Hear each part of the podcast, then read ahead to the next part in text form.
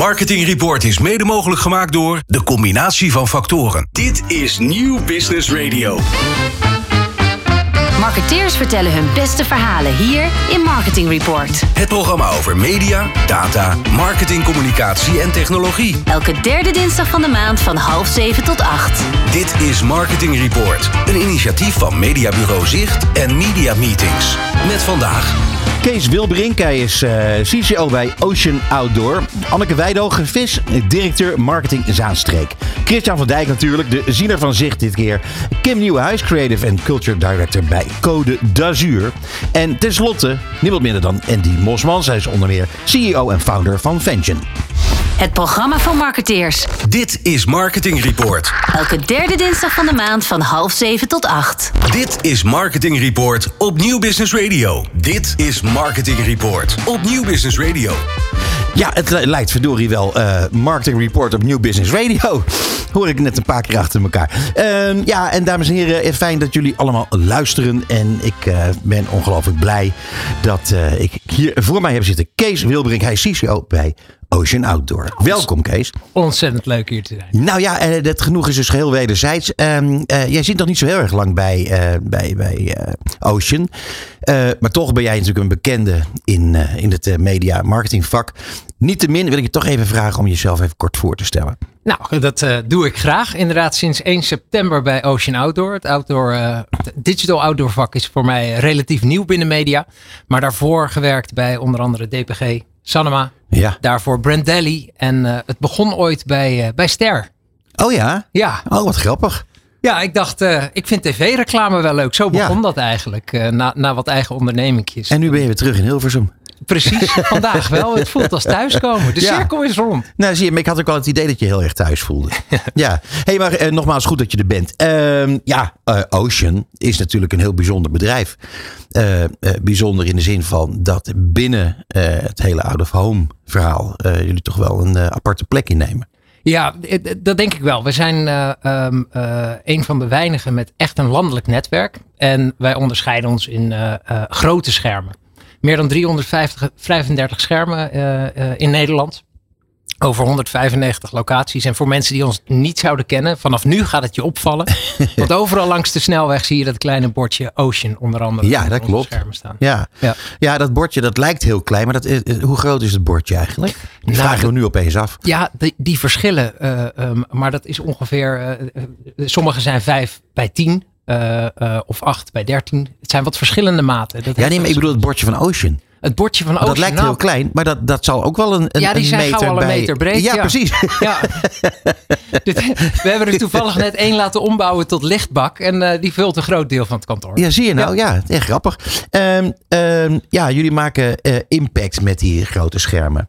Uh, heeft dat nou een, een heel andere manier van, van, van een andere manier van werken, ook voor de bureaus die de uitingen moeten maken? Dat neem ik aan van wel. Nou, wat, we hebben veel verschillende formaten. Hè? Um, sowieso is er een verschil. Um, in de stad mogen wij full motion draaien. Mm-hmm. Dus daar, daar kunnen we heel veel met animatie. Ook ja. uh, deepscreen, uh, dus die 3D animaties.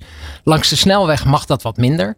En de formaten per scherm die kunnen wat uh, verschillend zijn. Ja. Dat heeft ook soms als reden dat we er echt voor kiezen om um, op de juiste plek ook het object echt goed in het landschap of in de, in de omgeving op te laten gaan. En dat is in, in bijvoorbeeld winkelcentra. Ja. Wil je dat het daar goed past? Ja, Ja. Oh, oh ja, dat begrijp ik. Maar wat, wat voor andere omgevingen? Want het is waarschijnlijk niet zo dat je het heel erg op wil laten gaan in de natuur of zo. Nee, dat, nee het, het, moet opvallen, maar Ja. het moet ook wel passen. Hè? Dus, dus als het gaat om roadside, dan, uh, dan doen we daar soms ook leuk, leuke dingen mee om het object zelf op te laten vallen. Ja. Maar als je het hebt over uh, uh, shoppingcenters, ja, dan, dan wil de architect daar ook wat mee. Uh, ik denk dat mooie voorbeelden zijn bijvoorbeeld de gevel van, van AFAS hè, tegenover de arena, waar we drie Ja. ronde schermen hebben. Ja. Um, uh, hoekschermen die we hebben in, in verschillende shoppingcenters. Dat soort voorbeelden. hey, wat betekent dat voor de bureaus? Want die hebben dan toch ook een, een nieuwe uitdaging? Uh, nee, nou, ik, wij zien het niet als een uitdaging. Kijk, uiteindelijk gaat het Maar erom... ziet het positief voor, daar gaat Ja. het niet om. Nee, nee, nee. Wij zien het als... Um, uh, uh, je kunt het beste opvallen door anders te zijn. Dus ook Ja. toevallig een zin die we pas in een eh, promotiefilmpje hebben gestopt. Maar uiteindelijk gaat ons vak natuurlijk om creativiteit. Om juist anders te zijn Ja. dan, eh, eh, dan de mainstream. En juist daarmee op te vallen. En dat doen we met name door, door aan te spreken op die creativiteit. We hebben heel veel technologie in huis. Ehm, eh, technologie in de zin van je kunt met onze schermen, een aantal van onze schermen, kun je augmented reality technologie toepassen.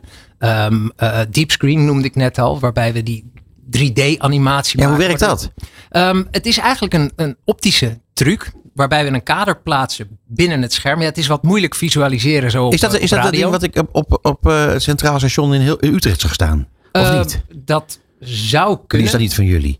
Ehm, eh, wij doen dat onder andere op Leidseplein. Wij doen dat op verschillende plekken. In, en, en als je het wereldwijd bekijkt. Kijk, Ocean is een internationaal bedrijf. Zeker.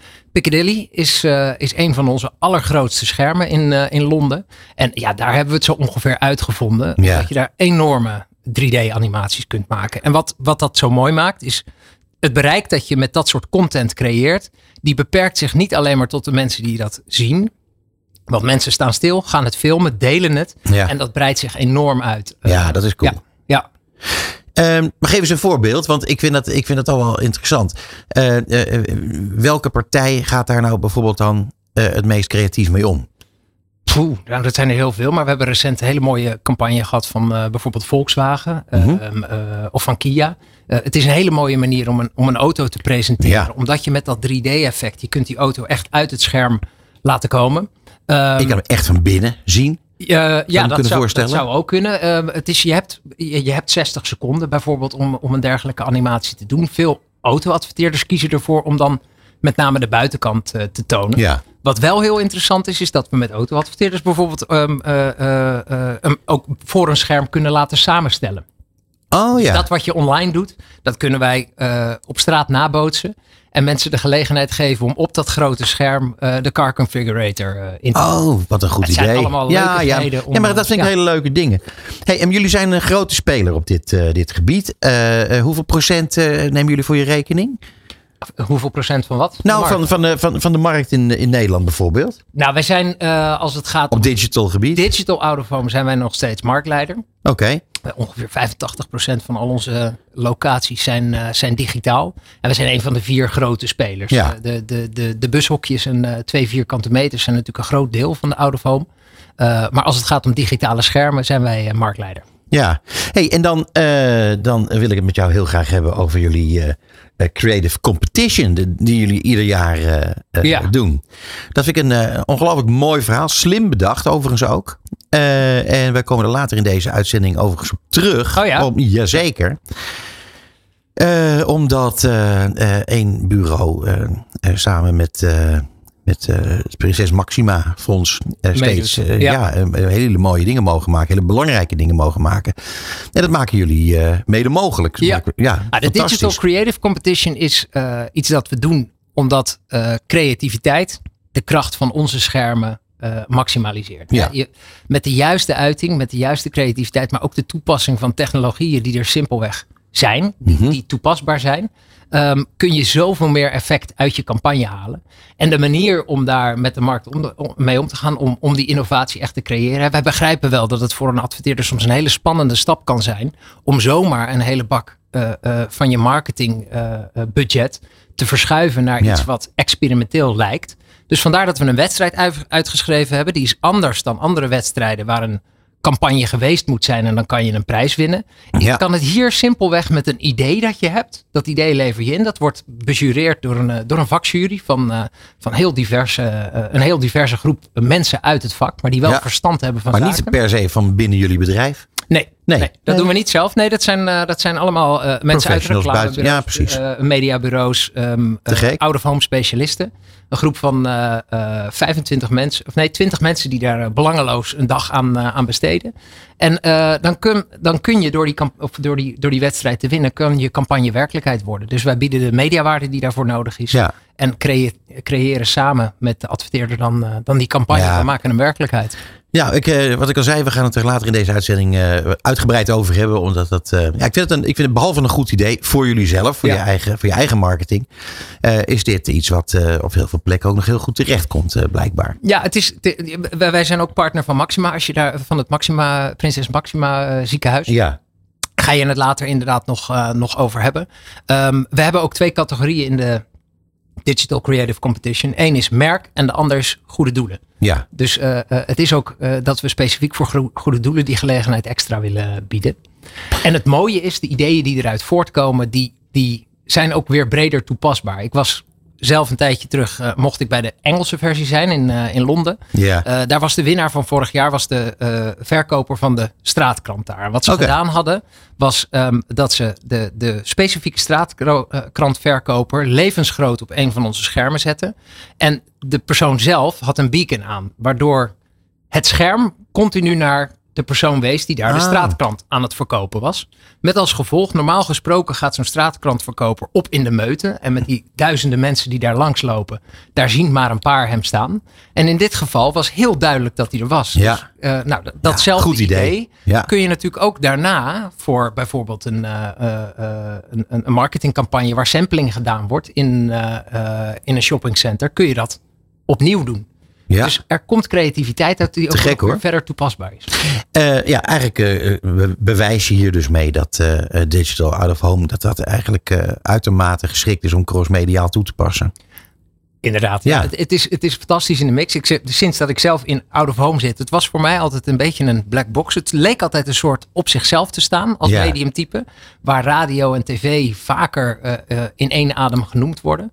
En je ziet dat die tijd heel erg aan het veranderen is. Ook noodzakelijk. Ja. Omdat het is nog het enige echt grote massamedium van, eh, van de toekomst zo lijkt Ja, wel. Eh, niet- en, en ook echt lekker, echt groot. ik vind in het leuk gevallen. dat je het zegt. Ja, hè? ja. Ja, dat is mooi.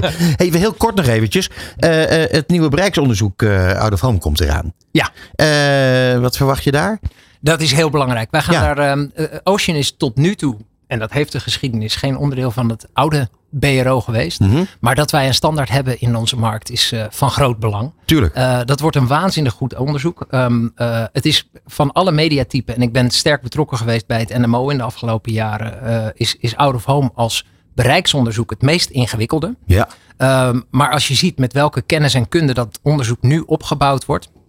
Dat gaat ons veel brengen ehm, eh, als mediumtype. Maar ook omdat daarna het BRO ook onderdeel zal worden van dat nieuwe NMO. Ja. En we dus ook veel beter kunnen zien wat het multimediale bereik is. Nou ja, het is te gek. Ik moet je zeggen, we hebben het er hier in eh, deze uitzendingen al eh, meermalen over gehad. Dus, eh, en wij blijven dat natuurlijk doen, want het is belangrijk, zo net, wat je net aangaf. Ja, het zit er helaas alweer op, Kees. Dat gaat snel, ja, ja, het is verschrikkelijk. Ja. Een, groot voordeel is wel dat, dat jij moet morgen reizen. Ja, Hè? Dus dat betekent dat jij vanavond eh, in welk geval vroeg je bed in kan. Hey, nogmaals, enorm fijn dat je naar de studio bent gekomen. En heel erg graag tot een volgende keer. Kees Wilbrink, CCO bij Outdoor. veel dank. Dit is Marketing Report op Nieuw Business Radio. Ja, en we gaan gelijk door, dames en heren. Want namelijk, wij hebben in de studio Anneke Weidhogen Vis. En zij is directeur marketing Zaanstreek. Welkom in de studio. Eh, Dank. ik, eh, eh, weet je, ik vind het zo ontzettend leuk. En dat komt natuurlijk omdat ik eh, zelf eh, geschiedenis heb natuurlijk in de, in de, in de eh, city marketing en gebiedsmarketing. En dat is precies wat jij doet. Maar voordat we daarover gaan beginnen, is het misschien toch handig als jij jezelf even kort voorstelt. Ja, nou hartstikke leuk. Eh, allereerst eh, dank dat ik hier mag zijn. Ja, natuurlijk. Eh, helemaal, helemaal leuk. Nee, mijn naam is Anneke Weidhogen Vis en ik ben inderdaad directeur bij Stichting Marketing Zaanstreek. Wij zijn een publiek-private stichting die in opdracht van gemeente Zaanstad en in samenwerking met gemeente Wormerland city marketing activiteiten bedrijven voor, voor de Zaanstreek. Ja, ja. Nou ja, en eh, wat je eh, nog niet hebt gemeld is dat jij bijvoorbeeld hiervoor bij eh Corendon, ook een van onze, onze vrienden, Ja. hebt gewerkt. Klopt. En dat is wel grappig, want ik neem aan dat er een heel groot verschil is wat je toen kon doen en wat je nu allemaal kan doen. Ja, absoluut. ja, daar Ja. zit echt wel een verschil in. Nee, mijn achtergrond zit inderdaad in de hotellerie, in het eh, toerisme, eh, meerdere ketenhotels waarvoor, eh, voordat ik bij uh, Marketing Zaanstreek kwam, inderdaad bij Corendon Hotels en Resorts. Ehm, ja, daar zit gewoon een, een hele grote marketingmachine achter. Ja. Ook met, met veel meer budgetten. Ehm, ook wat meer commercieel gericht. Hè? Dus dat betekent ook dat marketingactiviteiten of salesactiviteiten uiteindelijk geld opbrengen die weer terugvloeien in de organisatie. Ja, Ehm, en dat is bij city marketing natuurlijk net eventjes iets anders. Want alles wat wij Helaas. doen, ja, dat Ja. komt eigenlijk ten goede van de streek, van de stad. Ehm, Ja, en, dat, en daar wilde ik eigenlijk dan eigenlijk ook een beetje naartoe gelijk maar. Want dat is een ingewikkelde kwestie. En ik heb er zelf mee te maken gehad. En wij hadden in toen ter tijd in Amsterdam, en dat is nu overigens natuurlijk nog veel meer. Maar eh, toen een, een, een, een, ook een mager budget, wat, eh, wat in elk geval wel heel groot was vergeleken. Wat jij tot je beschikking hebt, komen we straks nog wel even op. Ja. Maar het lastige is natuurlijk dat je op een andere manier marketing moet bedrijven. Je, moet met heel, je hebt met heel veel stakeholders te maken. klopt. Ehm, en, eh, en inderdaad, het geld wat uiteindelijk verdiend wordt, dat, is, eh, ja, dat, is, dat is ten, komt ten goede aan de ondernemers. Uiteindelijk eh, aan voorzieningen in de, in de omgeving. En uiteindelijk betekent dat dat, dat, ja, dat je zelf er in die zin financieel weinig meer opschiet. Toch? Correct. Ja. Ja, Maar, klopt, dat ja. ja. maar goed, daar moeten we het even over hebben. Want eh, dat moet eigenlijk anders. En misschien moeten we het daar gewoon maar in deze uitzending eens over hebben. Hè, dat eh, het beter zou zijn als mensen daar wat meer van zouden begrijpen. Maar dat ga je straks allemaal uitleggen. Doe ik. Om te beginnen, waarom eh, de Zaanstreek?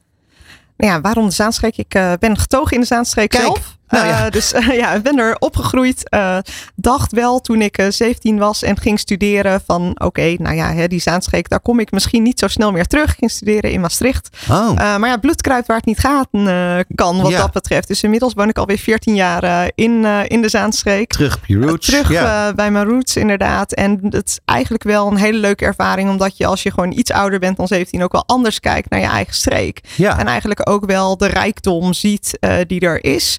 Ehm, dus de, de bedrijvigheid, eh, de, eh, nou ja, eigenlijk alles wat de Zaanstreek wel uniek maakte. De, de opbouw met huizen, nog de molens, de historie. ja. Uh, maar ook eigenlijk de, ja, de, de vernieuwing, de versie daarvan die je terugziet. Um, in de Zaanstreek heerst vaak het idee van het Intel Hotel. Hè, iconisch, architectonisch, gaat de hele wereld over. Ja, Ja. eh, de Zaankanter die heeft daar nog wel eens gemengde gevoelens over. Maar het is wel iconisch en het maakt ons echt absoluut uniek. ja. Um, een fantastische eh, ligging natuurlijk in de nabijheid van Amsterdam, maar toch echt heel anders. Zeker. Um, midden in die, eh, in die metropoolregio. Ja. Um, nou, we hebben een, een, een, prachtige toeristische trekpleister met de Zaanse Schans. Uh, maar daarnaast natuurlijk nog prachtige andere gebieden um, ja, die je als inwoner gewoon ervaart. Ja. Maar die we de bezoeker ook heel graag laten zien. ja, dat begrijp ik. En ehm, eh, jullie werken met hoeveel mensen? Wij hebben momenteel eh, 2,8 FTE eh, in de, in de back-office. Dus wij zijn met z'n vieren. Dus ik ben een marketing projectmanager, een um, uh, marketing communicatiemedewerker en twee dagen in de week een, een content marketeer. En wij hebben ook als extra opdracht um, um, ja, het, het, fysieke gastheerschap eigenlijk in de vorm van een VVV Hemel, ook dat nog. En daar hebben we vier parttime medewerkers. Ja, luisteraars, ik geef het jullie te doen. Als je dit uh, allemaal moet doen met uh, eigenlijk zo weinig mankracht en vrouwkracht, dat is echt niet niks. Dat weet ik uit ervaring. um, ik, vind het, uh, ik vind het heel knap. waar focus je nou het meeste op? Want jullie hebben waarschijnlijk ook niet enorme budgetten tot je beschikking. Je zei publiek-privaat, dus je krijgt een deel vanuit, vanuit de overheid en je krijgt een deel vanuit het bedrijfsleven. Ja. Hoe, wat, hoe verhoudt zich dat bijvoorbeeld?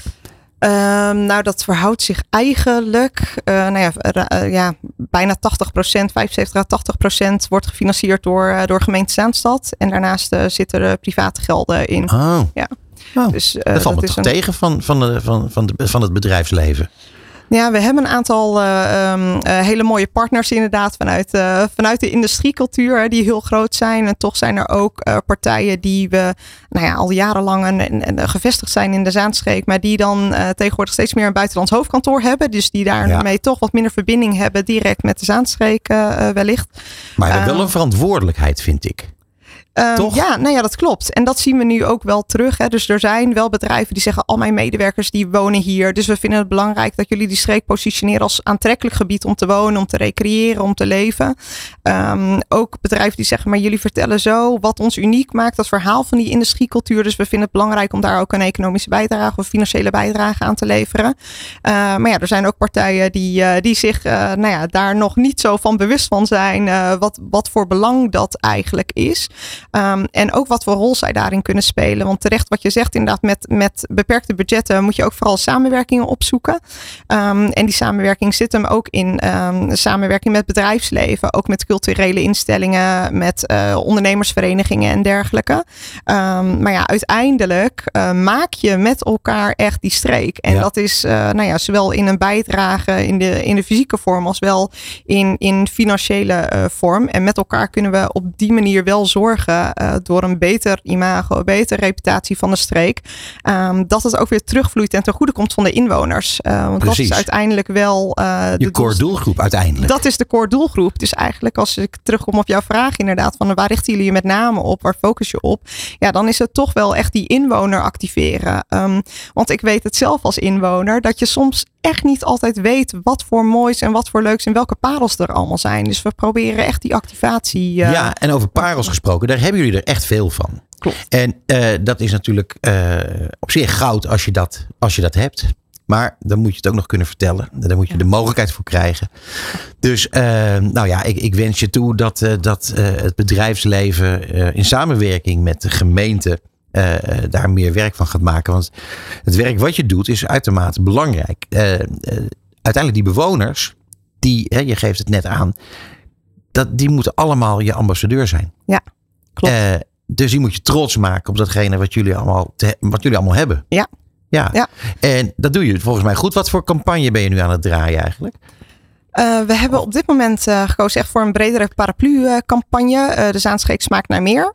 Uh, en eigenlijk wilden we daarin vooral uh, nou ja, benadrukken um, uh, nou ja, de, de, de historie met de roots in de foodindustrie. De, die bedrijvigheid waar we het net over hadden. Tuurlijk zit er veel MKB, maar toch die, die foodindustrie is ontzettend groot ook in de, in de Zaanstreek. Um, en ook eigenlijk wel een beetje dat spannende wat de Zaanstreek heeft. Dat rauwe randje. Van, nou, je, je moet het nog ontdekken. Ja. Uh, dat willen we daar eigenlijk mee activeren. Uh, dus binnen de Zaanstreek Smaak naar Meer willen we eigenlijk continu oproepen om iets te gaan ondernemen in de Zaanstreek. En dat kan een, een, een wandeling zijn, maar het kan ook een bezoek aan een horecabedrijf zijn. En om ook werkelijk de Zaanse smaken te proeven. Um, Um, ja, de, de, eigenlijk op allerlei vormen uh, nou, je eigen streek te ontdekken. En ook de regiobewoner uh, zich meer bewust te maken van het feit wat we, wat we te bieden hebben. Ja, nou het grappige is dat uh, het is van zo'n groot belang. Toevallig, weet ik, ken ik de Flux. Ja. Nou, dat is, vind ik, een fenomenaal podium. Met, met de meest uiteenlopende muziek. Ja. Hele goede programmering. Ja. Ja, uh, buiten, buiten de Zaanstreek weet geen mens dat het bestaat. En dat is dood en dood en doodzonde. En zo hebben jullie waarschijnlijk wel meer dingen waar uh, mensen geen weet van hebben. En waar iedereen naartoe moet komen. Eigenlijk wel. Ja, ja. we hebben er genoeg. Nou ja, de Flux is inderdaad ook echt een heel mooi voorbeeld. Tegelijkertijd ligt de Flux niet echt in het centrum van... van uh, niet meer? Nee, nee klopt. was wel hè? Dat was inderdaad wel zo. Wellicht er sprake van dat dat misschien wel weer terugkomt in het zijn. centrum. Dat zou leuk zijn, ook voor, voor het stukje bereikbaarheid. Zeker. Maar als je het hebt over, over parels, inderdaad, het Hembrugterrein... Um, ja, is echt nog een onontdekte uh, parel. Zeker. Uh, waar nu heel veel oud-industrieel erfgoed gecombineerd wordt met kunst en cultuur. Een, Museum of Humanity, het HEM, uh, Lab 44, een fantastisch restaurant waar ook um, nog heel veel producten zelf gemaakt worden, zoals de Saanse sambal. ja, dat zijn echt ontzettend leuke, leuke dingen. Zo blijven in die food. Um, maar ook in Ja. Wormerveer, waar je eigenlijk veel meer de boutique winkels vindt met, met het industrieel Ook beeldschoon, dat hoort er ook bij dus. Ja, klopt, hoort er ook bij, inderdaad. Ja. Ja, we hebben geen idee. Ehm, kijk, wat eh, eh, mogen wij vaststellen? Ehm, dat het ontzettend jammer is dat de mensen die beslissingen mogen nemen eh, binnen gemeenten, eh, binnen de ambtenarij, eh, in de politiek, eh, maar zelfs ook in het bedrijfsleven. eh, dat dat eigenlijk allemaal mensen zijn die beslissingen mogen nemen over datgene wat er moet gebeuren met city marketing. Dat het eigenlijk bijna altijd mensen zijn die geen idee hebben van marketing. Wat marketing nou eigenlijk inhoudt. En wat marketing en, en zeker gebiedsmarketing of city marketing eh, kan betekenen. Ja. Dat vind je ook niet? Dat is toch eigenlijk heel erg? Het is echt wel een uitdaging. Het is zonde. Uh, eh, dat is zonde. Uh, A, inderdaad, gewoon met, met uh, meer samenwerking en meer begrip en meer budget en meer kun je gewoon meer bereiken met elkaar. Ja. Um, en tegelijkertijd, inderdaad, uh, als het gaat om beslissingen, er wordt vaak nog naar city marketing gekeken als oh, je maakt een, een leuke stadsplattegrond of je brengt een, een brochure uit of een folder en dat is het. Terwijl als je het hebt over streekmarketing, gebiedsmarketing, is zoveel breder dan dat. Want dan praat je eigenlijk enkel in middelen. Uh, we moeten ons realiseren dat wij marketingbedrijven over een product dat wij niet zelf maken. Ja. Uh, dus dus het, het product wordt gemaakt door beslissingen die er in de politiek worden genomen, in de gemeenteraad over uh, gebiedsontwikkeling. Um, maar ook door ondernemers die op een bepaalde manier zich positioneren, die iets, iets bijdragen, keuzes die er worden gemaakt. Um, uh, als het gaat om cultuur, uh, culturele infrastructuur. Ja. Um, dat allemaal maakt de streek. En dat willen wij heel graag een plekje geven. Maar daar zit wel een verschil tussen nou ja, soms perceptie en realiteit. Dus ja. Uh, ja, ja, we kunnen er zelf denken, oh, maar we hebben toch dit. En we hebben ook heel veel. We hebben heel veel parels. maar ja, je moet dat wel verbinden in één verhaal. Precies. Je moet een, en, jij, jij moet de kans krijgen om daar een goede strategie op los te laten. Waar uiteindelijk iedereen de vruchten van gaat plukken. Ja. Uh, dus uh, wil jij een oproep doen of zal ik het doen? nou ja, de, de, uh, laten we er een combinatie van maken. Uh, nee, ja, het, het, mijn oproep is inderdaad wel naar politiek en naar bedrijfsleven. Van we moeten dit echt met elkaar doen. Um, samen maken we deze streek. Uh, en wij kunnen, wij zijn het sausje eroverheen, zeg ik altijd. We kunnen laten zien wat er is. Maar dat moeten we wel in combinatie met elkaar doen. En dat geldt zowel voor onze bewoners als voor bedrijven, als voor bezoekers. we hebben iets prachtigs te bieden, maar met elkaar moeten we dat wel doen. En die samenwerking opzoeken. Um, en uh, nou ja, goed met elkaar in gesprek gaan uh, over wat, wat zijn je behoeften en hoe kunnen we elkaar verder brengen. Ja, dat, uh, dat is wel een oproep die ik zou willen doen aan zowel politiek als bedrijfsleven. Het is top. En op die manier ga jij al je KPI's ga je halen. Daar ga en, ik voor. Ja, ja, precies. Heel goed. Nou, ik heb er dan niks meer aan toe te voegen. voor nu ontzettend veel succes in de komende tijd. En heel veel dank voor je komst naar de studio. Dankjewel voor een leuke avond. En dit, dames en heren, was Anneke Weidogenvis, van, directeur van Marketing Zaanstreek. Het programma van marketeers. Dit is Marketing Report. Elke derde dinsdag van de maand van half zeven tot acht. Dit is Marketing Report op Nieuw Business Radio. Dit is Nieuw Business Radio. Marketing Report. Zicht op media.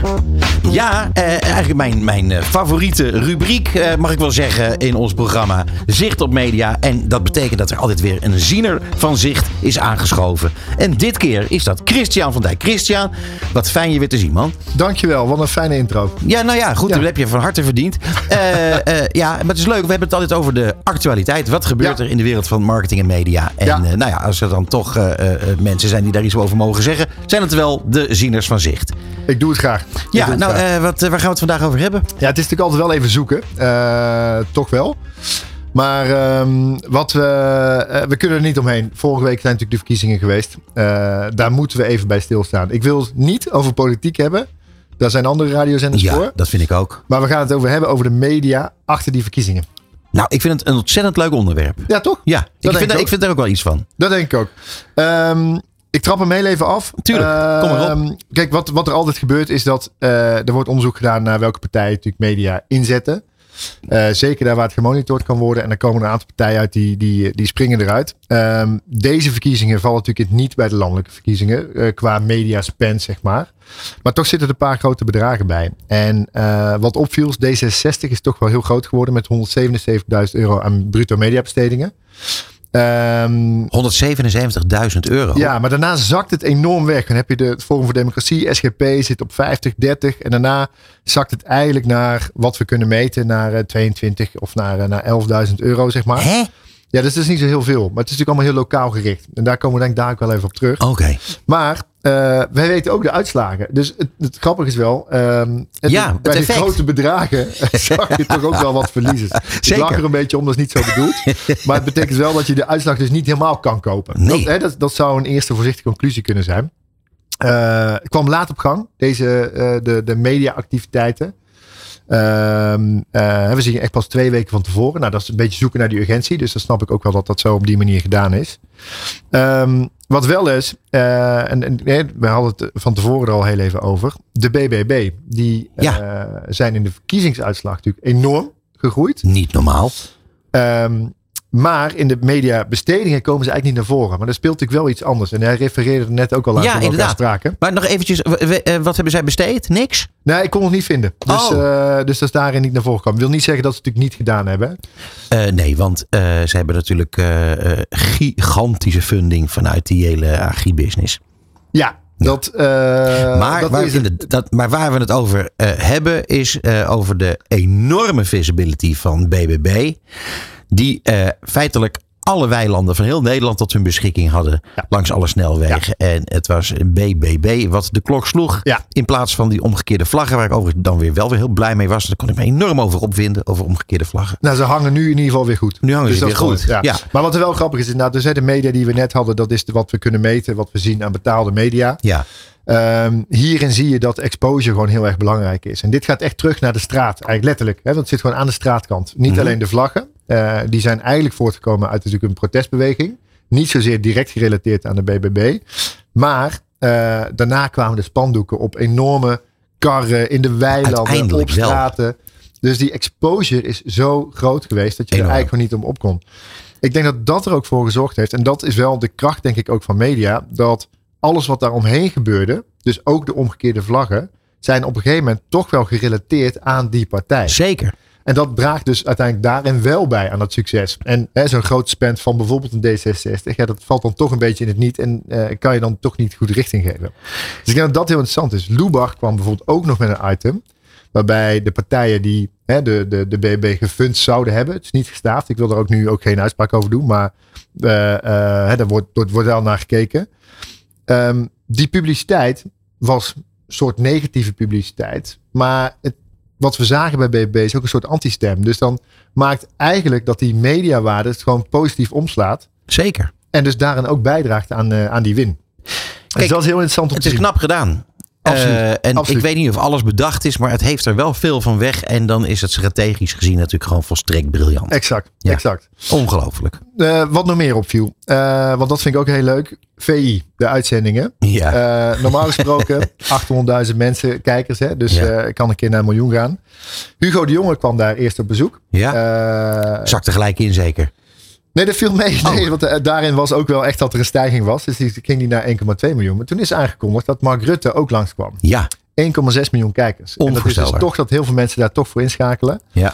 En wat ik daar heel leuk vond is dat, oké, dat is al enorme publiciteit voor de VVD uiteraard. Eh, hè, twee keer zoveel kijkers. Eh, VVD pakte dat heel goed door. Want op een gegeven moment was het zo dat eh, in de uitzending Mark een hand gaf aan, eh, aan Johan Derksen. Van oké, ik heb je nu dus eh, weer terug waar ik je wil hebben. Je gaat op mij stemmen, afgesproken. En Johan zei ja, oké, je hebt gelijk. Dus hij gaf hem een hand. Ik weet niet of precies zo ging het gesprek, maar ze schudden de hand van oké, we hebben overeenstemming gevonden.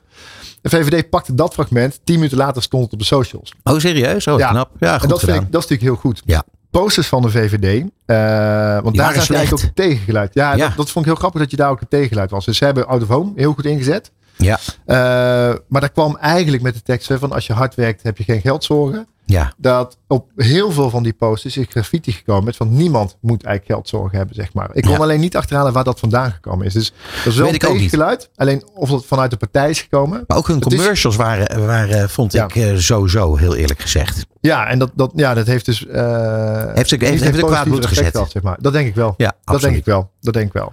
Maar het is Nee, toch dus- interessant hoor, wat er, allemaal, eh, wat er allemaal gebeurt. Maar ik moet je zeggen dat de- bestedingen, dat valt mij eh, nog eh, dik tegen joh. Ja, dat is wat ik zeg. Ik heb snel en vluchtig even gekeken. Het is natuurlijk even wat we kunnen meten. Dus ik denk dat er heel veel, zeker op het digitale front, niet meegenomen wordt. Dat, dat blijft natuurlijk altijd even lastig om dat goed te kunnen meten. Ja, en wat we ook niet weten is dat er voor tonnen aan, aan vlaggen materiaal eh, Ja, door de dat- BBB is exact. gekocht. Nou, dat, en en dat al die rode blauwe vlaggen, Ja. die zijn Ja. natuurlijk ook eh, eh, ter beschikking gesteld ooit. Nou, dat. En ik weet dus ook niet of de alle, hè, wat, wat in politiek natuurlijk altijd is met verkiezingen, alle posters die overal opgehangen worden, ook achter de ramen van, van lijsttrekkers, dat, dat zit hier niet in. Dus er- er, gebeurt ook nog heel veel omheen. Wordt veel geflyerd op, op, op marktjes, eh, Ja. en dat soort zaken. Zeker het weekend voor de verkiezingen. Dat zit hier natuurlijk niet bij. Dus er is heel veel activiteit omheen die niet hierin gemeten wordt. Eh, misschien is het er voor de volgende keer toch wel eens aardig om daar wat, wat, wat dieper in te duiken. Niet, niet zozeer voor ons, eh, als wel voor partijen die de dingen behoren te meten. Want eh, ja, het is eigenlijk heel schimmig dit. Vind je niet? Nou ja, schimmig. ehm, er, er, wordt, eh, er is natuurlijk veel controle op waar funding vandaan komt voor politieke partijen. En wat ze daarmee doen. Dus eh, als er echt een funding komt om activiteit te ontplooien, dan zou dat ergens naar voren moeten komen. Eh maar als de nou- mediabestedingen zit, daar is het natuurlijk lastig achteraan. Nou ja, als, als wij van Marketing Report nou bijvoorbeeld eh eh 100.000 eh eh, rood-blauwe vlaggen kopen. Ja. En die, die, die, die delen we uit. Ja. Ik bedoel, er is geen Nee, dat die dan de kraait. Nee, dat is lastig achteraan. Ja. Ja. nee, dat. We gaan het overigens niet doen. Nee. Maar, eh, maar het- dat, ja, dat dat gebeurt klopt, natuurlijk allemaal wel. ja, nee, het is dat allemaal wel betaald, hè? Het, absoluut, ja, Ja. absoluut. Dat is ook zo. En dat is, dat is, als je dat benoemt met van oké, dat is schimmig. eh, ja, dat is niet te achterhalen wat daar is gebeurd. Nee. Voordeel is, de vlaggen hangen nu in ieder geval weer goed. Ik denk dat dat een, eh, voor veel mensen een mooie, mooie uitkomst is. Ja, toch? Ja, absoluut. nou goed, dan zullen we het dan hierbij laten. Voor wat betreft dit onderwerp dan, hè? zeker, zeker. Want we gaan het hebben over... Eh, het TV-jaarrapport van Ja. Screenforce. Dat is natuurlijk Ja. altijd mooi. Hoogtepunt. Ehm, eh, ja, ja, ja, nou ja, zeker. Kijk, wat, wat ik, eh, eh, ik heb een aantal dingen opgelopen. Ik ga niet het hele rapport doorlopen. Dat is de zeker te tijd niet voor. Nee, daarom. Ehm, wat opvalt. ik vind het altijd wel grappig dat er best wel met een Hosanna-stemming naar de cijfers wordt gekeken en naar de bestedingen. Ja. De kop was ook van de, de bestedingen zijn weer gegroeid. Stijging van 8% naar 977 miljoen. Ja. Denk, ja, De prijzen waren ook aardig omhoog gegaan. ja, exact. Dus ik vind dat dus ook altijd heel lastig. En eh, er wordt gelukkig ook in de Screenforce, en ze zijn er ook zich zeker van bewust, er wordt gelukkig ook wel met een kritische noot naar gekeken. Eh, maar ik, ik vind dat altijd ja, een, een, een strijd die erin zit. Van ja, de bestedingen groeien.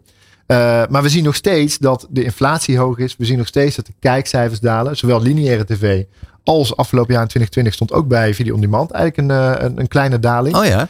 Eh, die vond ik ook raar. Eh, heeft wel te maken Apart. misschien met corona. Er zijn natuurlijk wat andere, ehm, eh, hoe heet het? Andere ehm, ja, factoren die daarin meespelen. Hele versnippering in heel Ja, veel misschien was het, aanbieders. was, het- was, was on demand misschien iets te hard gegroeid vanwege de corona. eh, Dat, ja, dat speelt natuurlijk wel mee. Tuurlijk, ja, ja. ja. en het is en dat, wat er ook bij stond in het rapport, dat vind ik ook wel gewoon leuk. Het, is, het was een hele mooie nazomer.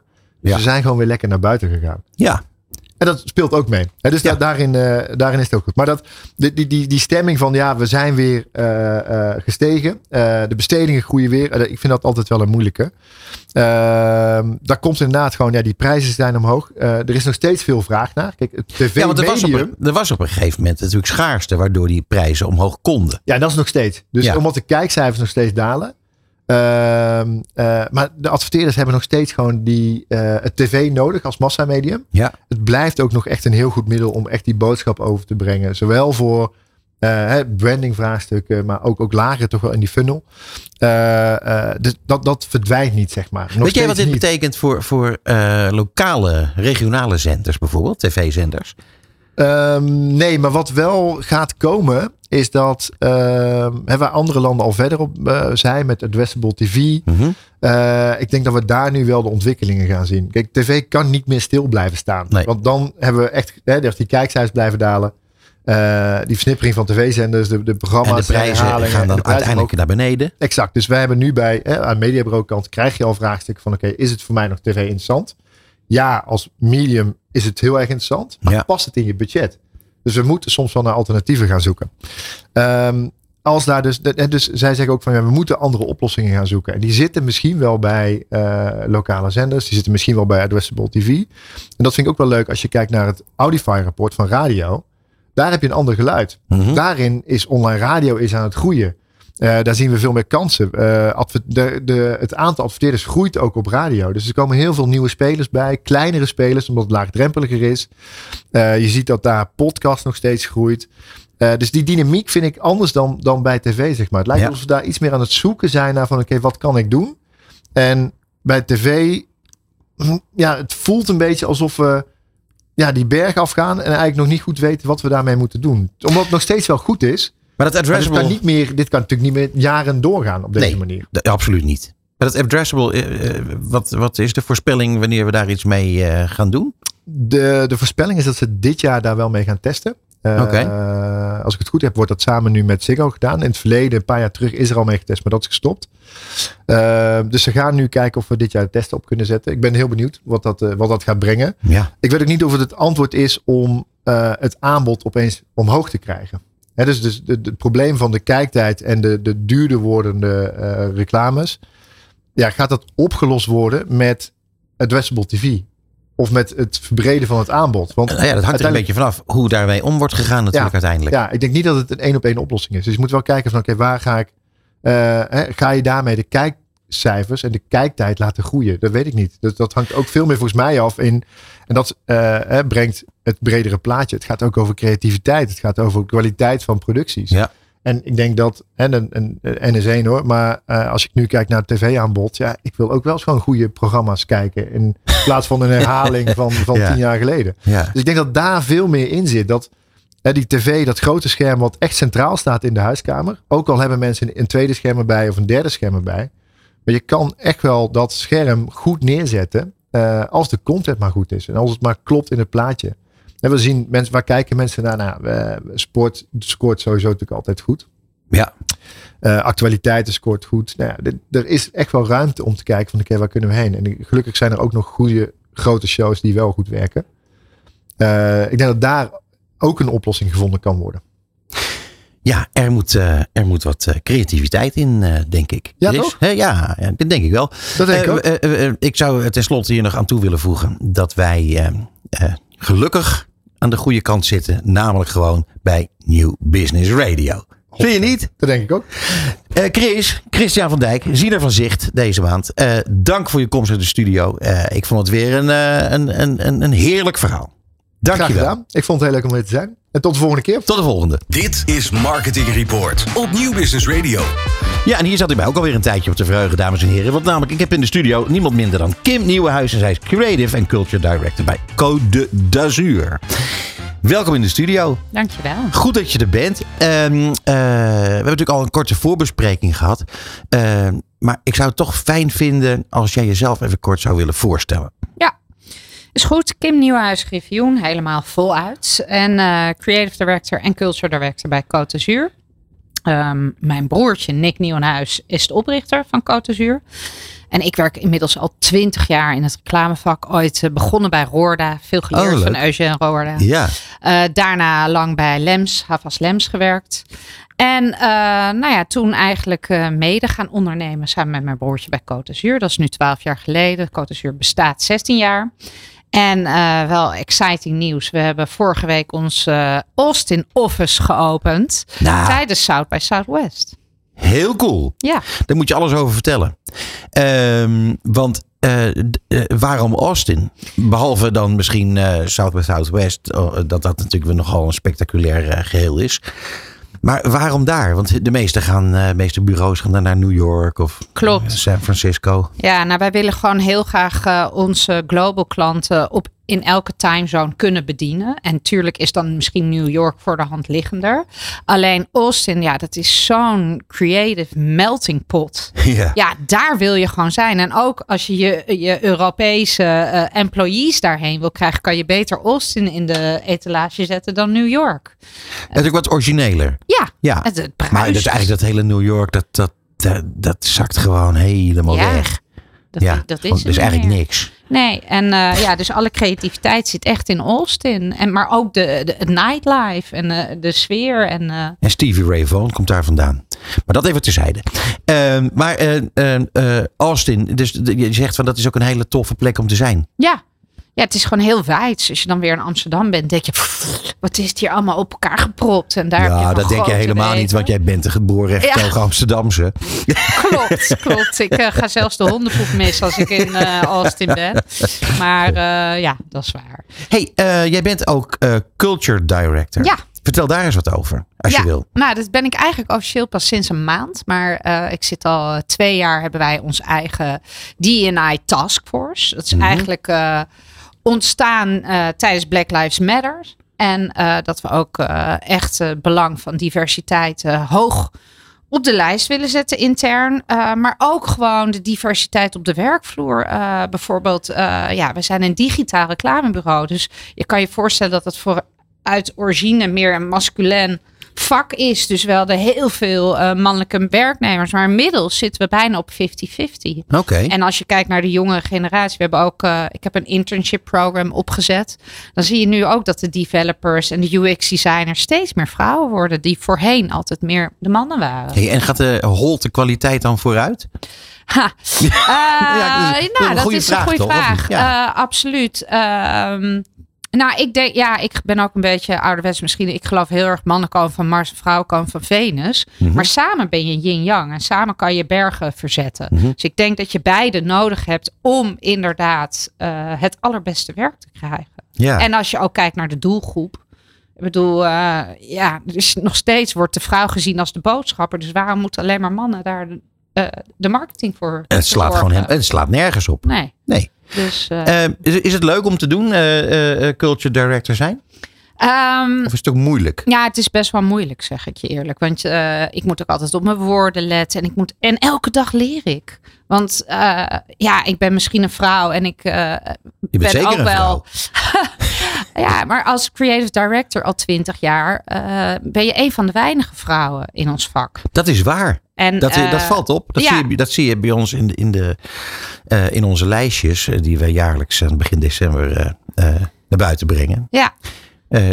daar wordt daar altijd, met, ja, wordt er altijd naar gekeken. Ja. Dat er te weinig, eigenlijk veel te weinig vrouwen specifiek op dat plekje zitten. Klopt. En, maar ik heb het eigenlijk nooit zo zwart-wit gezien. En ook eigenlijk nooit als een probleem gezien. En ik voelde me misschien ook wel one of the guys.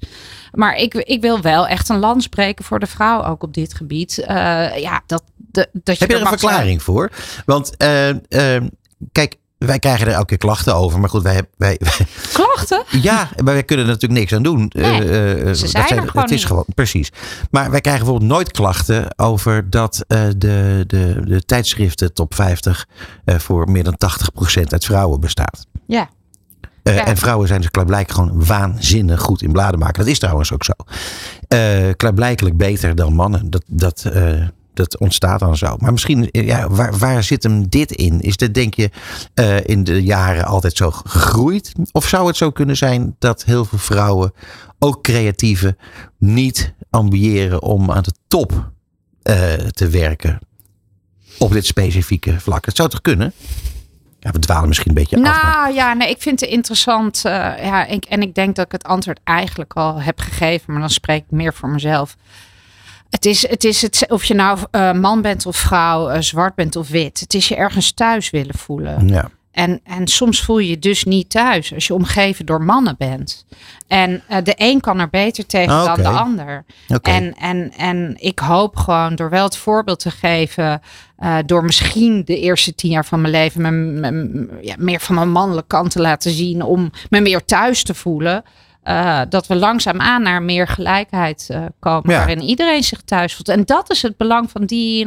Dat je gewoon alle soorten representatief hebt binnen Mhm. je kantoor, zodat iedereen zich thuis voelt. En Hey, daar ik- staat Culture Director voor, Ja. denk ik. Nou, ik vind dat een, ik vind dat een, eh, een mooi afgerond verhaal. Echt, ja, heel goed. Eh, nog even terug naar, naar eh, eh, de, het aantal mensen op de werkvloer. Want hoeveel zijn dat er? Eh, in Amsterdam bijna 150. Zo. En dan hebben we natuurlijk nog de buitenlandse kantoren. En ehm, recentelijk ook eh, samengegaan met Triple Mhm. uit Alkmaar. Ja, Eh, dus, en die zijn met 350. Ja. Dus inmiddels zijn we flink gegroeid het afgelopen jaar. Ja. Ja. Ja. fenomenaal. Ja, Superleuk ook, hè? heel trots op. Nou, dat begrijp ik, ja. Hey, over trots gesproken. Ehm, eh, ik had eerder in de uitzending ehm, eh, een gesprek met eh, Ocean, Ja, met Kees. En eh, Ocean, daar heb jij een bijzondere band mee. ja, enorm. Ja, zou je dat willen vertellen? Want ik vind dat een, eh, vind ik een belangrijk verhaal. Ja, nou, het was mooi. Ik was gevraagd, volgens mij was het zelfs via Don, om mee te jureren voor de Creative Digital Out of Home competitie Ja, van Ocean. En nou, dat heb ik met heel veel plezier gedaan. Er waren allemaal mooie inzendingen. Eh, maar ja, ja, ik ben niet om mijn mondje gevallen. En ik had natuurlijk hier en daar kritiek op de inzendingen. En ik vond het niveau niet bijster goed. Het zo'n ja, mooie competitie eigenlijk in is. Waarmee je gratis eh, media krijgt. Ja. En, ehm, En nou, impactvolle media. mega impactvol. En eh, ja, je kan tegen iedereen zeggen: kijk eens, die mast die heb ik gemaakt. Maar, ehm, en toen kwam eigenlijk Marlies van Ocean naar me toe, eh, out of the blue. Die zei: Goh, ik vond het zo eh, gaaf om met jou te jureren. En ik vond dat je zulke goede antwoorden gaf, waar we echt wat aan hadden. En opbouwende kriti- kritiek. Ja. We gaan een samenwerking aan met het Prinses Maxima Centrum. En we gaan voor hun gratis media ruimte reserveren. Ja. Ze hebben alleen geen bureau en geen campagne. Zou jij met Côte d'Azur eventueel willen helpen om dat voor hun te verzorgen? Nou, Ja. en op dat moment kreeg ik echt overal kippenvel. Ja. Want ik zeg, Marlies, dat vraag je aan mij. Ik ze, ze zegt, ja, ja, hoezo? Ik zeg, nou, eh, mijn dochter is op dit moment voor de tweede keer gediagnosticeerd met lymfeklierkanker. Ja. Dus ik ken het ziekenhuis helaas al vier jaar van binnen en buiten. Ja. En eh, ja, ik voel me eigenlijk eh, heel erg vereerd dat je me dit vraagt. En eh, ja, dit grijpen we met beide handen aan. En we hebben zojuist een maand geleden de derde campagne gelanceerd samen met Ocean. Voor Wereldkinderkankerdag. Waarbij iedereen een kaartje kon versturen om alle kindjes die daar onder behandeling zijn, maar ook de families die daar iedere dag zijn, maar ook de doktoren en de zorgverleners, een hart onder de riem te steken. Ja. Ja. Dus eh, ik geloof dat de website is vier dagen live geweest. En toen hadden we al 28.000 kaartjes Zo. verzameld. Van allemaal mensen die lieve boodschappen. Naar iedereen die daar onder behandeling is wenst. Ja. Hey, ehm, een enorm succes. Ja, Ehm, en wat- een stukje verwerking voor mij. Nou, dat ik vind het ik heel, dankbaar dat ik dit mag doen. Want door te creëren, en zeker als creative director natuurlijk. Maar ja, kan je ook een stukje eh, verwerken, iets terugdoen. Voor alles Ja. wat die doktoren voor mijn dochter doen. Ja, dat is waar. En, met het hele kantoor. Want Nou, het is- iedereen die is met mij begaan al vier jaar. Ja. Nee, het is beeldschoon. Eh, vooral het, het- hoe het bij elkaar is gekomen is Ja. natuurlijk onvoorstelbaar. Eh, Toeval bestaat nee, niet. precies. Dat, Nee. Dat, eh, dat kunnen we dan nu toch wel echt wel vaststellen. Ja. Ehm, maar dat je dit eh, nu al voor de derde keer mag maken, is natuurlijk ook geweldig. Ja. Een dikke pluim voor, voor Ocean wat dat betreft. Zeker. Ehm, wat zijn de effecten van deze campagnes voor, voor het ziekenhuis? Nou, het is mooi dat je daar vandaag naar vraagt. Ik heb toevallig vanmiddag de evaluatie gehad. Oh, Ja, de naamsbekendheid is dus enorm eh, gestegen. Eh, en, eh, maar ook wat het beste resultaat was, is dat het een hele laagdrempelige campagne was. Waardoor we, vroegen niet aan om geld of donaties, maar om een kaartje te schrijven met Ja. een mooie boodschap. En je hoeft er ook niet voor te betalen, wat je bij Greets natuurlijk wel moet doen. Ja. En ja, je ziet gewoon dat het websitebezoek enorm gestegen was. Eh, de maar likes Greets, op gaat Instagram. volgende keer wel gewoon meedoen, denk ik. Ja, dat hoop ik wel. Ja. Er moet gewoon een gratis kaart tussen Dat lijkt mij toch wel, Daar gaan we even voor zorgen. Ja. Luister je mee? Maar ehm, eh, nee, eh, Instagram, enorm veel volgers erbij. Facebook. Ja, het is gewoon... En, en de ambassadeurs hebben natuurlijk de Bas Smit en eh Sunnery James en Chantal Jansen. Allemaal ambassadeurs. Die hebben met liefde getagd natuurlijk. Van ja, stuur ook een kaartje. Maar het hoogtepunt was toch wel dat koningin Maxima Ja. het allereerste kaartje heeft geschreven. En ook echt heeft verhandigd in Oh. het ziekenhuis aan het eerste kindje tijdens Wereldkinderkankerdag. Ik vind het heel ontroerend, moet ik zeggen. Ja, en ik vergeet er nog iets bij te vertellen. Want eh Wereldkinderkankerdag is 15 februari. En we weten Mhm. allemaal wat 14 februari is. Ja. Valentijnsdag. Ja. Dus dan, dan stuur je iemand een rood hart. Ja. En vandaar dat we de dag daarna een oranje hart onder de riem steken. Ja, mooi hoor. Want het Prinses Maxima Centrum is oranje. Ja. De vloeren zijn oranje. Het is ondanks dat je er echt niet wil zijn, een prachtig zonnig ziekenhuis. Ja. Ehm, ik weet niet of je het daarover wil hebben, maar ik wil het toch graag weten. Eh, want jij bent zo betrokken bij dit onderwerp, omdat je dochter eh, voor de tweede keer werd gediagnosticeerd met kanker. Dat is natuurlijk nou, eigenlijk niet te doen, emotioneel, kan ik me voorstellen. Ehm, hoe is het dan om, om eh, aan zo'n campagne te werken? Eh, aan de ene kant dankbaar waarschijnlijk, dat begrijp ik wel. Maar het lijkt me ook heel ingewikkeld. Omdat je zo dicht bovenop zit. Of is het Eh, makkelijk? nou, nou, het is aan de ene kant is het makkelijk, omdat je raakt eigenlijk meteen de juiste tone of voice. Want ik spreek eigenlijk namens, namens Ja. alle families die ermee te maken hebben. Dus ik Ja. weet wat ik wel en niet kan zeggen. Je hebt het nooit over strijden, want dat kind, ja, tuurlijk is aan het vechten tegen die ziekte, maar je weet Ja. nooit of je ook geneest. Dus genezen ga je ook niet zeggen. Dus je weet precies wat je wel en niet kan zeggen. Dus dat gaat vrij gemakkelijk. Aan de andere kant ben ik niet de doelgroep, want Nee. ik ben een insider. De doelgroep zijn iedereen om mij heen te laten zien wat voor een geweldig werk ze daar doen. Ja. Aan de andere kant was het ook moeilijk, want eh, op datzelfde moment had mijn, mijn dochter bijvoorbeeld een, een flinke dip. Die eh, lag drie weken in het AMC, eh, omdat door de tweede keer lymfeklierkanker en is 15 heeft zich een eetstoornis gemanifesteerd Ja. als copingmechanisme. En dan zit je in de midden van de uitvoering van zo'n campagne Ja. met Ocean nog op en neer designs te bespreken. Maar dan blijf ik erbij dat ik blij ben dat ik iets om handen heb. Iets heel moois om handen, want ik doe iets goeds. En eh, eh, ja, want wat niks doen en alleen maar mijn dochters hand vasthouden, daar wordt niemand beter van. Nee, dat, dat, eh, dat begrijp ik. Ehm, jij bent, neem ik aan, enorm trots op je dochter. Want die gaat de strijd aan en nu al voor de tweede keer. Dat moet, nou ja, en zeker eerst al toen ze op de, Elfde. ba- op de elfde, dus Nu einde, 15, einde, 14, basis, ja. einde basisschool. Ja. Dan nu eh, in een periode die ook heel belangrijk is in, een, in het bestaan van, een, van, een, van jongeren, zeg Ja. maar. Lastige periode. Ehm, dus jij zult wel, zult wel enorm trots op haar zijn met wat ze allemaal doet en kan. Enorm trots. En is zij ook trots op jou? ja. Ja? Nou, en wat ook wel leuk is, zij is ook de eh, hoofdrol geweest in de eerste campagne die we voor ze deden. Dat was voor de Wereldkinderkankermaand. En wat dan zo mooi is, dan eh, zie je haar video op Facebook van het Prinses Maxima Ja. Centrum verschijnen. Met, dan vertelt ze van ja, ik heb nu voor de tweede keer lymfeklierkanker. Maar gelukkig krijg ik nu een niet chemo en kan ik mijn haren houden.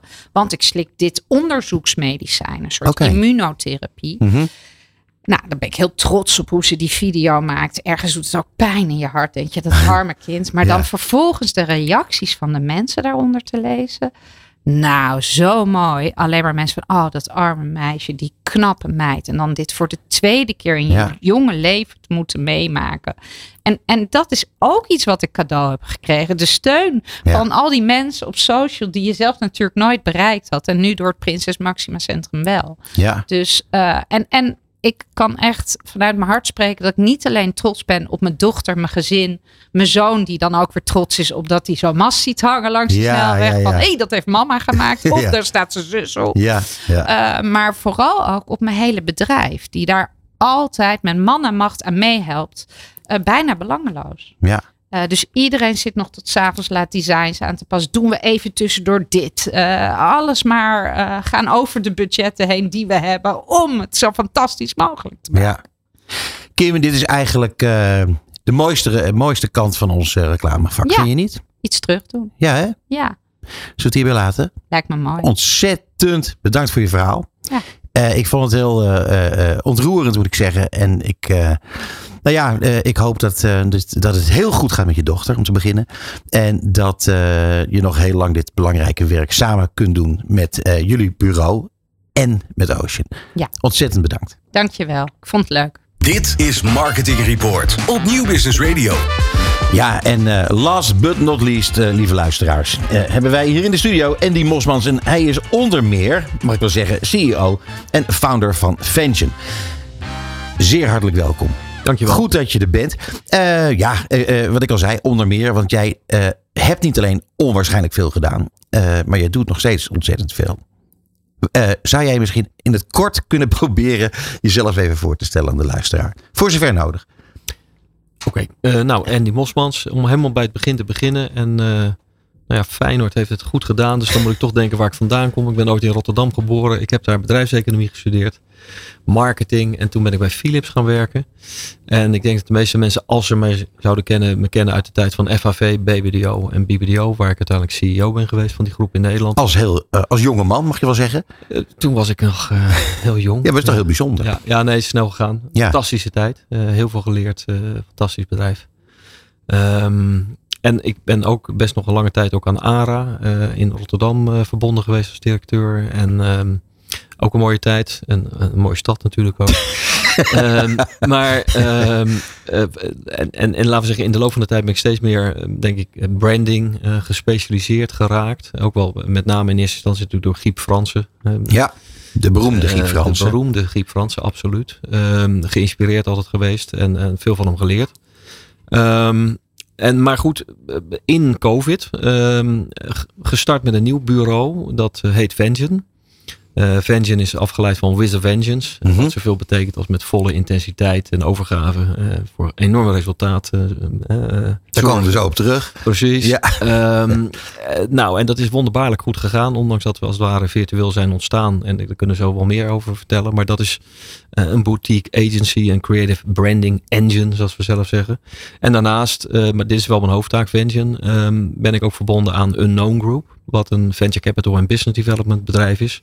Wat onder meer ook weer investeert in Vengeance. Ja. Ja, en daar komen we straks dan ook weer op terug, want eh, die doen nog veel meer. Ja. ja.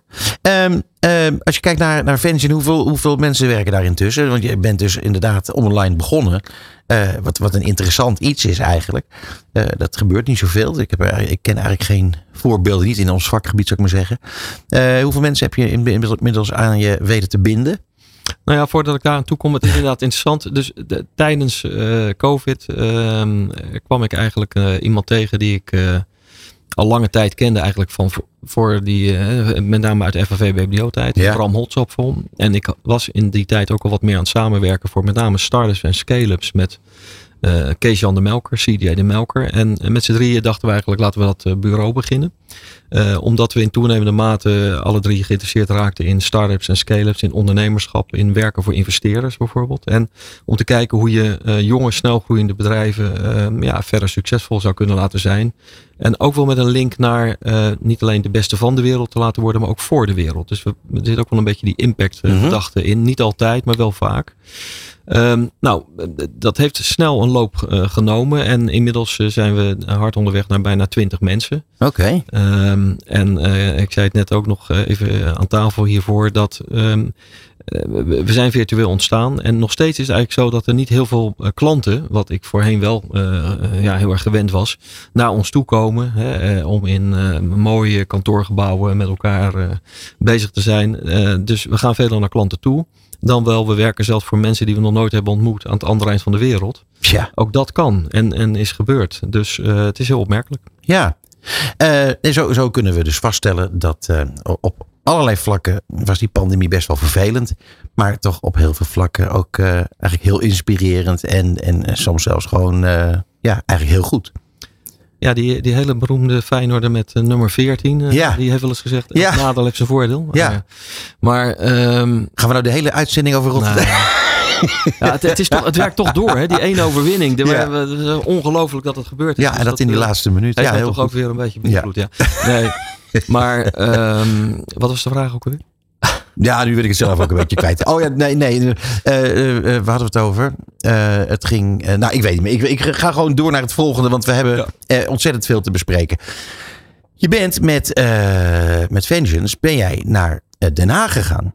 En dat vond ik eigenlijk opmerkelijk. Want eh, ja, bijna alle bureaus zitten in, in Amsterdam, laten we zeggen, met name. Eh, daar heb je zelf dan ook veel eh, uiteindelijk vertoefd.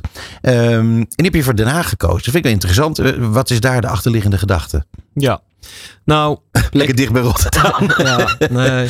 We, we, we hadden natuurlijk geen kantoor. Ehm, en we hebben ook lang getwijfeld of we dat eigenlijk wilden. Het, het grapje was een beetje: planeet Aarde is onze Ja. werkplaats. En we zien wel waar we zitten of waar onze klanten ons naartoe we- wensen. Ehm, maar ehm, we kregen wel degelijk hè, die link naar Unknown Group. En ehm, in eerste instantie was het toen zo dat Unknown Group heeft diverse plekken ook gekend. Ze zijn overigens wel in Rotterdam ontstaan, dat dan weer wel. Het Erasmus Center for Entrepreneurship was een van hun eh, campuses, zeg maar, die ze hebben Ja. opgebouwd. Ehm, maar daarnaast was er ook in Amsterdam en in Haarlem, de koepelgevangenis is bijvoorbeeld ook een eh, ontwikkeling waar, waar ook Unknown Group heel erg bij betrokken is. Maar Beeldschoon geworden. ja, beeldschoon geworden. En ook veel start-ups en scale-ups. Ja. Weer een innovatieomgeving. Maar op een bepaald moment, ehm, eh, omdat veel van de, Unknown Group founders, eh, althans de jongens die dat hebben gedaan, eh, wel degelijk een link naar Den Haag hebben. En ook omdat Den Haag heel veel ambitie had om het gebied van impact eh, scale-ups dingen te gaan betekenen. ehm, is er uiteindelijk een ehm, gebouw aangekocht, Titaan, de Titaan in Den Haag. En dat is nu bijna klaar.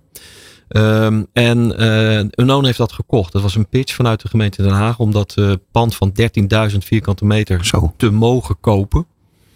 Een hoop geld, 17,5 miljoen uit mijn hoofd eh, uiteindelijk voor neergelegd. Maar om daar lekker veel dus, vierkante meters. ja, dus die moeten gevuld. Hè, Ja. met mooie impact scale-ups als het even kan. En nou, daar is Den Haag veel aan gelegen. Unknown eh, heeft dat dus voor elkaar gebokst. Vengeance heeft daar een rol in gespeeld om dat te laten gebeuren. En nou, omdat Unknown als hoofdkantoor daar ook gaat plaatsnemen, hebben wij gezegd, doen wij het ook. Ja, Eén, omdat dat gewoon het geval is, dus de link naar Unknown. En ten tweede omdat we zeggen, ja, het is ook juist wel leuk om eh, juist niet Amsterdam of Rotterdam, maar nu eens een keer Den Haag. ja nou ja, ik moet je eerlijk zeggen, ik vind het een, eh, eigenlijk een uitstekend idee. Eh, maar toch in een mooi kantoor nu, hè? Ja, at, le- at last. Ja. Ja. Dus ook getwijfeld, maar nogmaals, we noemen het een beetje ons basecamp. Hè? Dus we zijn er en we zijn er niet. Eh, mensen die bij ons werken, die mogen en kunnen overal werken. Eh, maar ook in Den Haag. Dus eh, we verdelen het een beetje zoals het uitkomt. Hey, dan eh, impactvolle campagnes eh, voor start-up scale-ups. Eh, eh, kun je wat voorbeelden geven? Want ehm, eh, het, is, het is een interessante materie, omdat heel veel start-ups, ehm, dan, daar is dan in geïnvesteerd. Maar heel vaak eh, is het, het marketingdeel daar een ondergeschoven kindje. Dus op het moment dat jullie daarbij betrokken zijn, gaat het er heel anders uitzien, neem ik aan. Dat is de bedoeling. Ja. Ehm, eh, laten we zeggen, we hebben geconstateerd, of, of dat blijkt ook uit onderzoek, dat de meeste start-ups, eh, die starten alleen maar. Dus de meeste start-ups die falen na verloop van tijd toch vaak heel snel. En een van de belangrijkste factoren blijkt ook uit onderzoek is eigenlijk dat er te weinig marktoriëntatie is. Dus men is wel heel enthousiast over het product of eh, ja, de vinding die is gedaan. Maar waartoe dat nou eigenlijk dient en voor wie het is bedoeld en wat het verschil zou kunnen maken is, is onvoldoende duidelijk eh, Mhm. tot uitdrukking al gebracht door vaak de founders. Wij willen daar dus eh, bij helpen. En ehm, dat lukt ook heel goed. Ehm, en de link naar Unknown is natuurlijk dat Unknown ook weer heel veel start-ups en scale-ups eh, in het portfolio heeft en kent. Ook mede door eh, Get in the Ring. Dat is inmiddels de grootste start-up competitie ter wereld. Die is van Unknown. En inmiddels meer dan 2 miljoen start-ups en scale-ups zijn eigenlijk bekend in de waar. database van Unknown. Wow. Dus dat is een enorme marktpotentie voor ons natuurlijk om eventueel aan te boren. Maar ik zal een concreet voorbeeld geven van een start-up waarbij, eh, waarmee Vengeance ook wel zelf gegroeid is eigenlijk. Dus eh, dat heet inmiddels de Kingfish Company. En wat de Kingfish Company doet is dat op land, in eerste instantie in Zeeland, eh, Cats, net na de Zeelandbrug, is een hele stad bijna gebouwd. Die bestaat uit bassins waarin yellowtailvissen worden gekweekt. Normaal eh, zwemmen die in eh, Australië en Japan in de wateren daar. Eh, maar die worden nu op land gekweekt. En het punt is namelijk, er is heel veel vraag naar vis in de wereld. Maar helaas weten we ook dat de, de zeeën en de oceanen minder vol zijn. Ja, overbevissing. Ja. helaas kapot gaan ook door al die overbevissing. Ja. Dus dit is een hele mooie manier om eigenlijk duurzaam bezig te zijn. Het is ook nog eens een keer dat het water voor de vissen wordt met zonne-energie en windenergie verwarmd. Eh, het water van de Oosterschelde mag gebruikt worden omdat het nog schoner weer teruggaat. Het heet een Recirculation Aquaculture System wat ze hebben gebouwd. En we noemen het ook wel de, eh, de, de- het is de toekomst van vis. En ehm, eh, het is ook een beetje de Tesla van vis. En ehm, wij zijn met dat bedrijf mede wel gegroeid. We hebben eh, de naam, de hele vormgeving, de hele marktbenadering bedacht. Want in eerste instantie is dit dus niet traditioneel via de groothandel van vis gegaan. Want de viswereld werkte eigenlijk, er waren geen merken. Er was gewoon vis. Die Ja, werd het gevangen. werkt andersom. Ja. Ja. en die gaat naar de groothandel, die verdienen een beetje geld, de rest eigenlijk bijna niemand. En that's it. Wij hebben gezegd, we gaan een merkvis maken. Als Chiquita bananen kan bestaan, ja. dan kan ook Dutch Yellowtail bestaan. Dat is eigenlijk de productmerknaam voor die vis. Eh, die gaan we direct binnen 12 uur leveren in Europa aan de beste chefs van de beste restaurants. Mhm. En in 24 uur doen we hetzelfde in Amerika.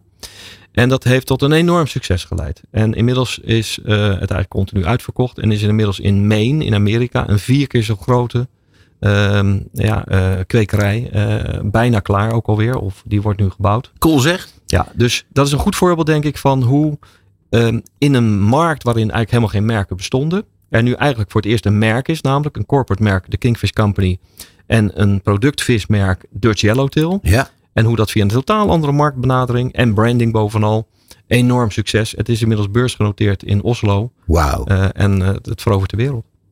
Ehm, ja, ik, het is een, ook een heel leuk voorbeeld, omdat dat, eh, dat ik dan natuurlijk een, een woordspeling kan maken met dat jullie eigenlijk in je eigen vijver zitten te vissen. Hè, want dat is natuurlijk waar. De, met met, met de investeringsmaatschappij, zou ik maar zeggen, die, die zoveel start-ups, scale-ups in het vijvertje heeft liggen. Eh, ja, waar jullie dan als, als Vention eh, eh, Ja. in kunnen vissen weer. Ja. Eh, maar als daar dit uit ontstaat, dat is werkelijk onvoorstelbaar, joh. Ja, nou moet ik wel zeggen dat de Kingfish Company heeft eh, overigens niets met Unknown te maken. Dat Oh. is eigenlijk gewoon een zelfstandige klant die er al was voordat Unknown überhaupt bestond. Dat is ook nog een heel jong bedrijf. Oké. Maar Unknown Group zelf hebben wij ook mede vormgegeven. De naam komt van de founder, eh, Hendrik Halbe heeft die bedacht. Maar de hele invulling en waar Unknown Group dan voor staat en hoe het eruit ziet en hoe het functioneert, dat is weer door Vention eh, verder gedaan. Ehm, maar we werken bijvoorbeeld wel een, een, een start-up uit het portfolio van Unknown Group. Ehm, de- dat was een bedrijf dat heette Gashouders. Ja. En wat zij doen is dat zij restgas opvangen. Eh, bijvoorbeeld bij waterzuivering eh, en dergelijke, bij eh, het riool en dergelijke. Daar, daar komt gas vrij. Tuurlijk, en ja. dat wordt normaal gewoon verbrand, dat is het weg. Je kan het ook opvangen en weer gebruiken op bouwplaatsen om bijvoorbeeld in plaats van dieselmotoren eh, met gas te voorzien. Nou, dat bedrijf dat groeit enorm hard, maar gashouders is niet een naam die internationaal makkelijk ligt. Nee. Dus hebben wij er power crumbs van gemaakt. Krachtkruimels. Vanuit het Ja. idee alle kleine beetjes helpen. Dus het gas moet niet alleen uit Groningen komen. Maar kan op allerlei plekken worden gewonnen. En zelfs door heel de wereld heen. En Power Crumbs is nu een bedrijf wat dat doet. En het is een investering van Unknown Group. Jongen, jongen, jongen man. En, en hier komt geen end aan, begrijp ik. Want dit, dit is enorm. Ja, nou het leuke is, en daarom doen we het ook denk ik. Omdat we werken met eh snelgroeiende maar vernieuwende bedrijven. Ja. Die nogmaals vaak ook dingen bedenken. Die niet alleen het beste van, maar ook voor de wereld zijn. Eh, maar het kan ook wat dichterbij hebben. We werken ook bijvoorbeeld voor Little Cow and Cookies. Een nieuw ijsmerk van de, van de familie Pon. Van Ja. Vanja Pon. eh, die is ook boerin. Ze is president-commissaris van de Pon Holding en boerin. Oh, wat geestig. En van haar boerderijen in Duitsland wordt de- deze, heerlijke, deze heerlijke ijs eh, gemaakt. Eh, Little Cow en Cookies. En dan hebben we als thema ehm, Big Flavor for Small Planet. Dus ook weer dat duurzaamheidsaspect gekoppeld aan heerlijk ijs. Nou ja. Ja, ik moet je zeggen dat, dat eh, hier, zouden we eh, met heel erg veel plezier gewoon uren over door eh, eh, kunnen praten. Dat, nou, tenminste, dat kan in deze uitzending niet, maar dat zou ik wel heel graag doen. Ehm, eh, hoe zie jij de toekomst van, eh van Vention om te beginnen? Ehm, maar goed, eigenlijk met het hele conglomeraat eromheen. Wa- Waar gaat dit naartoe? Want het is, het is, eh, dit is groots, heb ik het idee. Nou, de ambities zijn in ieder geval groot. En eh Vengeance groeit hard, maar Unknown Group groeit nog harder. Ze zijn ongeveer even oud als, als, als Vengeance, maar er zijn inmiddels 100 plus mensen. Ja. hele jonge club van heel diverse eh, aard. Eh, ik denk dat er misschien wel 100 nationaliteiten bij wijze van spreken ook rondlopen. Hele jonge mensen. Maar met een enorme ambitie. En ehm, de missie van Unknown Group luidt eh, Fueling Founders to Fix the Future. Dus we willen echt founders eh, met nieuwe ideeën zorgen dat ze als het ware ook bijna de toekomst kunnen repareren. Want er is wat te repareren voor ons allen en voor de planeet. Ehm, maar de ambitie is, is extreem. Want we, we zeggen eigenlijk als we misschien wel die 2 miljoen plus start-ups en scale-ups allemaal zouden kunnen aanvuren tot groot succes. Dan moet het mogelijk zijn om eigenlijk een omzet en daarmee impact te realiseren groter dan Amazon. Mhm. Why not? Ja. Dus zo'n Ja. groot doel hebben. En, en als dat allemaal eh, met achterliggende gedachten is dat er ook dingen beter moeten zijn voor people and planet, dan, is dat, eh, dan zou dat werkelijk fenomenaal zijn. Nou, ik moet je zeggen, Andy, daar wens ik je alle succes bij. Ik denk ook dat, eh, dat het een groot succes geworden, want ja, jij hebt een geschiedenis van, van nou ja, laten we toch eerlijk zijn. Hopen dat ik ook een toekomst heb. Hè? Maar, ja, zijn we maar ik- bezig. Ja, precies. En, en dan moet je soms een beetje geluk hebben. Maar ik denk dat als je met, eh, met zoveel eh, enthousiasme en, en kennis eh, dat tegemoet treedt, dan, dan komt het allemaal dik voor elkaar. Dames en heren, het was een groot genoegen om eh, Andy Mosmans eh, van Vengeance hier in de studio te hebben. Andy, heel graag tot een volgende keer. Dankjewel. Het programma van marketeers. Dit is Marketing Report. Elke derde dinsdag van de maand van half zeven tot acht. Dit is Marketing Report op Nieuw Business Radio. Ja. Potverdorie, lieve mensen. Dit was weer een, eh, een verrukkelijke uitzending. Het, eh, ik moet zeggen dat het eh, een enorm gemis was dat mijn sidekick Bas Vlucht er niet bij was. Snap ik, ja. ja. Maar gelukkig is er nog eventjes Christian van Dijk aangeschoven. De ziener van zicht.